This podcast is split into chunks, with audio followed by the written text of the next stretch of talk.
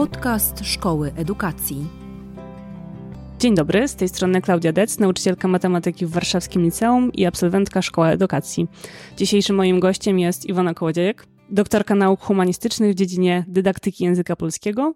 Pracowała jako nauczycielka w gimnazjum, liceum, a teraz w szkole podstawowej. W Szkole Edukacji prowadzi zajęcia związane z rozwojem kompetencji wychowawczych. Dzień dobry. Dzień dobry, witaj i witajcie Państwo. Czym są kompetencje wychowawcze? O, no to jest ogromne pytanie i nie wiem, jak dużo mamy czasu. Bycie dobrym wychowawcą, dobrą wychowawczynią, no właśnie, to co to jest właściwie? Musielibyśmy, musiałybyśmy najpierw uzgodnić, e, z jakiego porządku będziemy odpowiadać na to pytanie, to znaczy jaką dziedziną, jaką nauką się posłużymy. Bo tym tematem zajmuje się i socjologia, i psychologia, i pedagogika, i dydaktyki przedmiotowe też w jakimś wymiarze, i też filozofia, w tym edukacji, filozofia edukacji. E, I wszystkie one, wszystkie te dziedziny mają jeszcze swoje subdziedziny, na przykład psychologia ma psychologię rozwojową albo szerzej psychologię wychowania. I, I wszystkie te e, dziedziny i subdziedziny posługują się odrębnym aparatem pojęciowym i opisują tę szkolną rzeczywistość trochę innym językiem, no bo też mają różne cele. Więc teraz, gdybyśmy dążyły do jakiegoś porozumienia, no to musiałybyśmy właśnie uzgodnić, którą z tych dziedzin będziemy się posługiwały. I ja bym chyba zaproponowała to, co jest, to, co dzieje się i też potem mogę wytłumaczyć dlaczego e, w szkole edukacji na zajęciach e, prowadzonych e, przeze mnie. Dokładnie o to chciałam cię poprosić mhm. właściwie. No to tam idziemy za taką myślą, że wychowanie jest po prostu wspieraniem rozwoju. Właśnie w tym ujęciu psychologicznym, rozwój dzieje się w ramach takiego zaprogramowanego wewnętrznie mm, działania, w człowieku i on jest e, jakoś stymulowany przez środowisko, czyli taki stały układ elementów. E, no i my dobrze wiemy, że szkoła czy klasa to jest taki stały układ elementów dla konkretnych uczniów, ponieważ spędzają tam bardzo, bardzo dużo czasu. Więc możemy założyć, że to, co dzieje się w klasie, to, co dzieje się w szkole, ma charakter wychowawczy. Czy jeżeli mówisz wychowawca, to masz na myśli opiekuna konkretnej klasy, siódmej A albo trzeciej B? No właśnie nie. To wynika właśnie z tej definicji, którą sobie e, teraz tak pokrótce zarysowałyśmy. E, bo jeżeli jest tak, że wychowawczy jest każdy bodziec, świadomy czy nieświadomy, ze strony na przykład dorosłego względem dziecka czy nastolatka, to takie wychowanie jest kompetencją każdej osoby tworzącej środowisko szkolne, no przede wszystkim nauczycielki i nauczyciela. Dlatego u nas nauczyciel, nauczycielka to zawsze jest e, wychowawczyni, wychowawca, ponieważ e, uczenie i wychowanie to awers i rewers jednej kartki. Nie, nie da się tego rozdzielić. To jest ta sama rzeczywistość. Znaczy, wchodząc do klasy, robiąc różne rzeczy, jednocześnie uczymy i wychowujemy. E, ja pamiętam, że w czasie Twoich zajęć nieraz sobie myślałam, że nie powinniśmy mówić o wychowawcy klasy, mhm. tylko o e, na przykład menadżerze klasy. Mhm. Ktoś, kto załatwia kwestie związane, nie wiem, z przedstawieniem, z jakąś mhm. radą rodziców, z wycieczką szkolną. Natomiast tak jak mhm. mówisz, e, każdy nauczyciel to jest jednocześnie wychowawca mhm. uczniów. Tak, chociaż y, to jest też tak, że znowu w ramach tych zajęć, którymi ja się zajmuję, my się bardzo mocno koncentrujemy na lekcji ale nie deprecjonujemy wszystkiego tego, co w szkole dzieje się poza lekcją. E, czyli właśnie tych wyjazdów, o których mówisz, tych wyjść, zaangażowania społecznego uczniów i tak dalej, i tak dalej. I tutaj rola tego, powiedzmy, formalnego wychowawcy, czyli tego, który przy, przyjmuje na siebie takie zobowiązanie prowadzenia konkretnej klasy, nie jest bez znaczenia. I to widać chyba w doświadczeniu uczniów. Znaczy, słychać w ich opowieściach, że albo właśnie oceniają, że mieli dobrego wychowawcę, albo że złego wychowawcę, że to nie jest zazwyczaj ktoś, kto jest im jakoś obojętny, nie? tylko mają pewne wyobrażenia i oczekiwania względem tej osoby, a ona ma swoje bardzo. Yy, nie wiem, czy właściwie powiedzieć, że bardzo jasno określone funkcje, ale wcale nie. Ma pewne określone funkcje, ale ta rola daleko poza nie wykracza i też jest e, niezwykle ciekawa. Ale w, ja rzeczywiście w swojej pracy e, koncentruję się raczej na mm, na tym, co robi każdy przedmiotowiec i e, każdy nauczyciel, niezależnie od, od tego, jakiego przedmiotu uczy i czy właśnie jest wychowawcą danej klasy.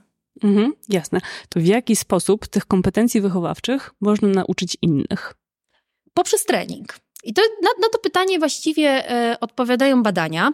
Teraz z głowy ich e, tak dokładnie nie przytoczę, ale powołuje się na nie e, między innymi e, w Marcano, taki jeden z kluczowych e, badaczy Classroom Management.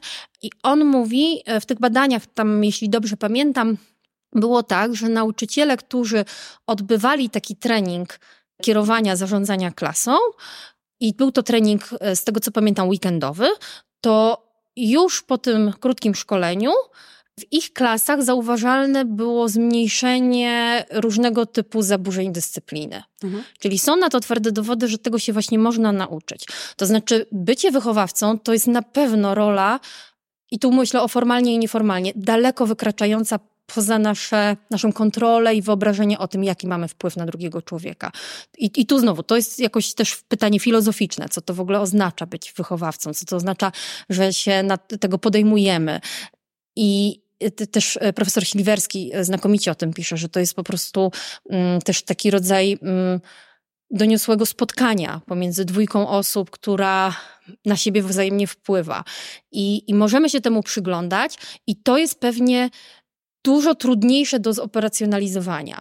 Natomiast to, o czym ja mówię, czyli te takie działania, które wpływają na rozwój kompetencji społecznych, emocjonalnych i poznawczych, i które dzieją się na każdej lekcji, to są tak naprawdę dość proste, powtarzalne czynności, których po prostu można się nauczyć, ćwicząc je i praktykując. Dobrze, to chciałabym teraz usłyszeć, w jaki sposób wyglądają symulacje w szkole edukacji i no dlaczego właśnie... spędzają sens powiek wszystkim studentom. No właśnie, bo ty wiesz o tym, e, jak się uczy w szkole edukacji tych kompetencji i rzeczywiście uczymy ich między innymi poprzez symulacje. E, robimy to dlatego, że, że nie mamy takiej możliwości, żeby każdego dnia być z naszymi studentami i studentkami w szkole.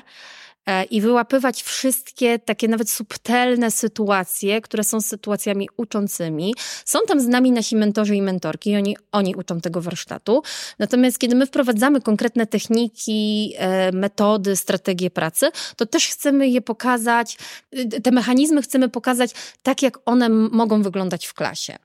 I, i robiąc symulację, stwarzamy pozornie sztuczne warunki do tego, żeby wprowadzanie na przykład określonej techniki um, udzielania uczniom głosu, żeby tę technikę można było przećwiczyć, e, sprawdzić, jakie sekwencje działań się na nią składają, albo na przykład przećwiczyć jakiś rodzaj interwencji, wtedy, kiedy uczniowie na przykład zamiast koncentrować się na zadaniu, rozmawiają ze sobą.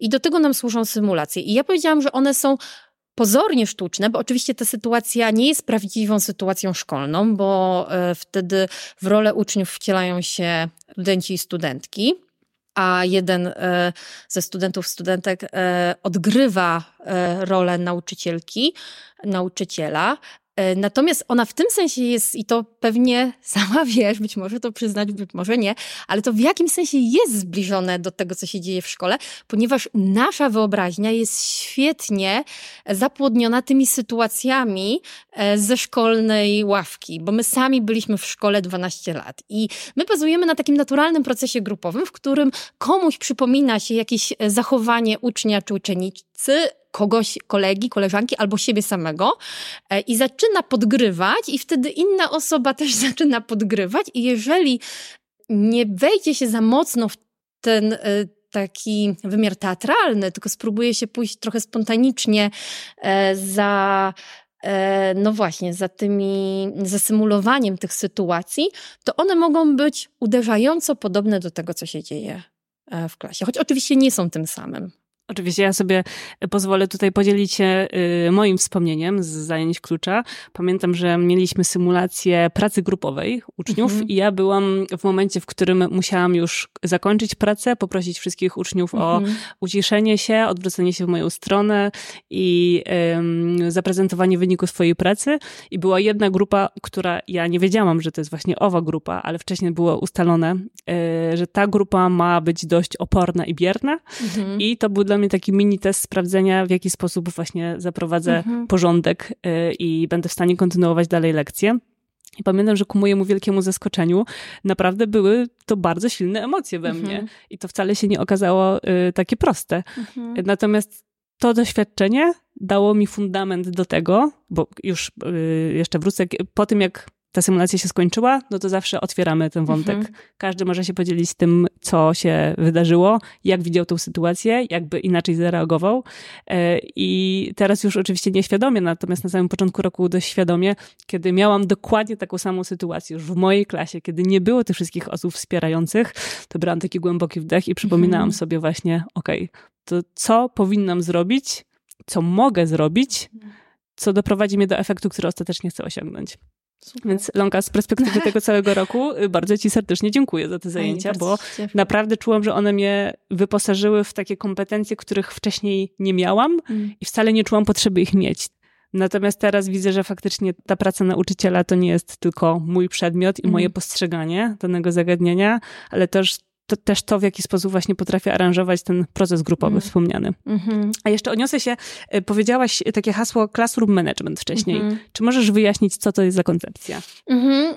Ta koncepcja, do, dosłownie tłumacząc zarządzanie, chociaż ja y, wolę słowo kierowanie klasą, to, e, to kierowanie klasą polega na mm, jednoczesnym wykorzystaniu tych samych sytuacji do rozwijania kompetencji poznawczych czyli tych akademickich, tych przedmiotowych i społecznych i emocjonalnych. Czyli bierzemy jakąś konkretną strategię e, pracy, czyli po prostu konkretny fragment lekcji i zastanawiamy się, jakie konsekwencje wybór e, tej metody pracy będzie miał właśnie w wymiarze poznawczym, czyli czy będzie efektywnie pozwalał rozwijać mm, kompetencje przedmiotowe, i jednocześnie jakie będzie miał korzyści, jakie będzie dawał korzyści społeczne, jakie będzie dawał korzyści emocjonalne. E, I w ten sposób e, dowartościowujemy pełen rozwój człowieka w codziennych, prostych sytuacjach.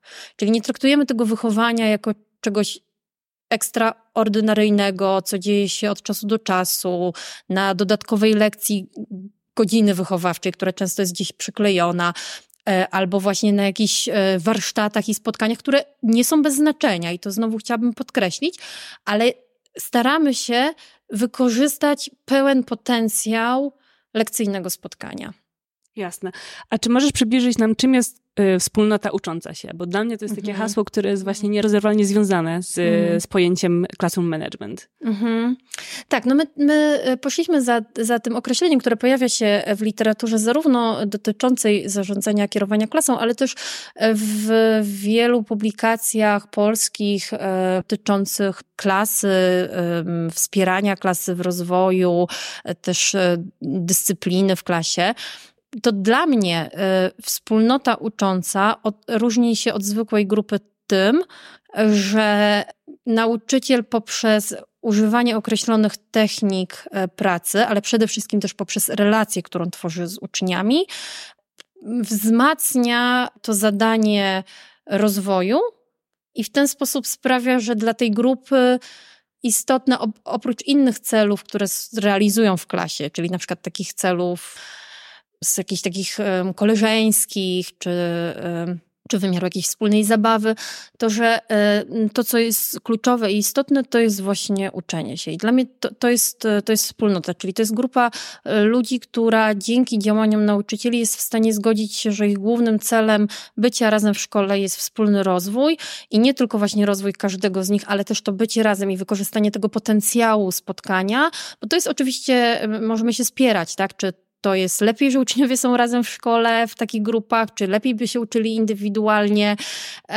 Ja się aż tak na bardzo na tym nie znam, żeby tutaj jednoznacznie, czy moja intuicja jest taka, że jednak lepiej w grupie, ale też po prostu nigdy nie będzie tak, że wszyscy będą uczyć się indywidualnie, więc trochę nie ma tematu i trzeba się skoncentrować na tym, jak wykorzystać to, że na przykład na moim przedmiocie na języku polskim nie czytamy lektury indywidualnie, tylko no, ewentualnie indywidualnie ją czytamy w domu, ale potem spotykamy się po to, żeby o niej rozmawiać, żeby wspólnie ją rozumieć. I to jest potencjał. I teraz pytanie jest, jak ten potencjał najlepiej wykorzystać. I trzeba stworzyć takie warunki w klasie, żeby uczniowie e, czuli i doceniali to, że są w tej grupie, żeby się z tego cieszyli, żeby czuli, że to jest lepiej, że są razem i się uczą razem, niż gdyby mieli być sami.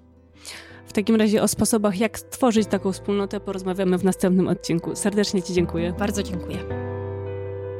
Dziękujemy za wysłuchanie podcastu Szkoły Edukacji Polsko-Amerykańskiej Fundacji Wolności i Uniwersytetu Warszawskiego. Już niebawem ukaże się kolejny odcinek, w którym Klaudia Dec, nauczycielka matematyki w Warszawskim Liceum oraz absolwentka Szkoły Edukacji, będzie rozmawiać ze swoimi gośćmi. Tymczasem zapraszamy do Podcasterixa, podcastu prowadzonego przez wykładowców dydaktyki historii Szkoły Edukacji. Do usłyszenia.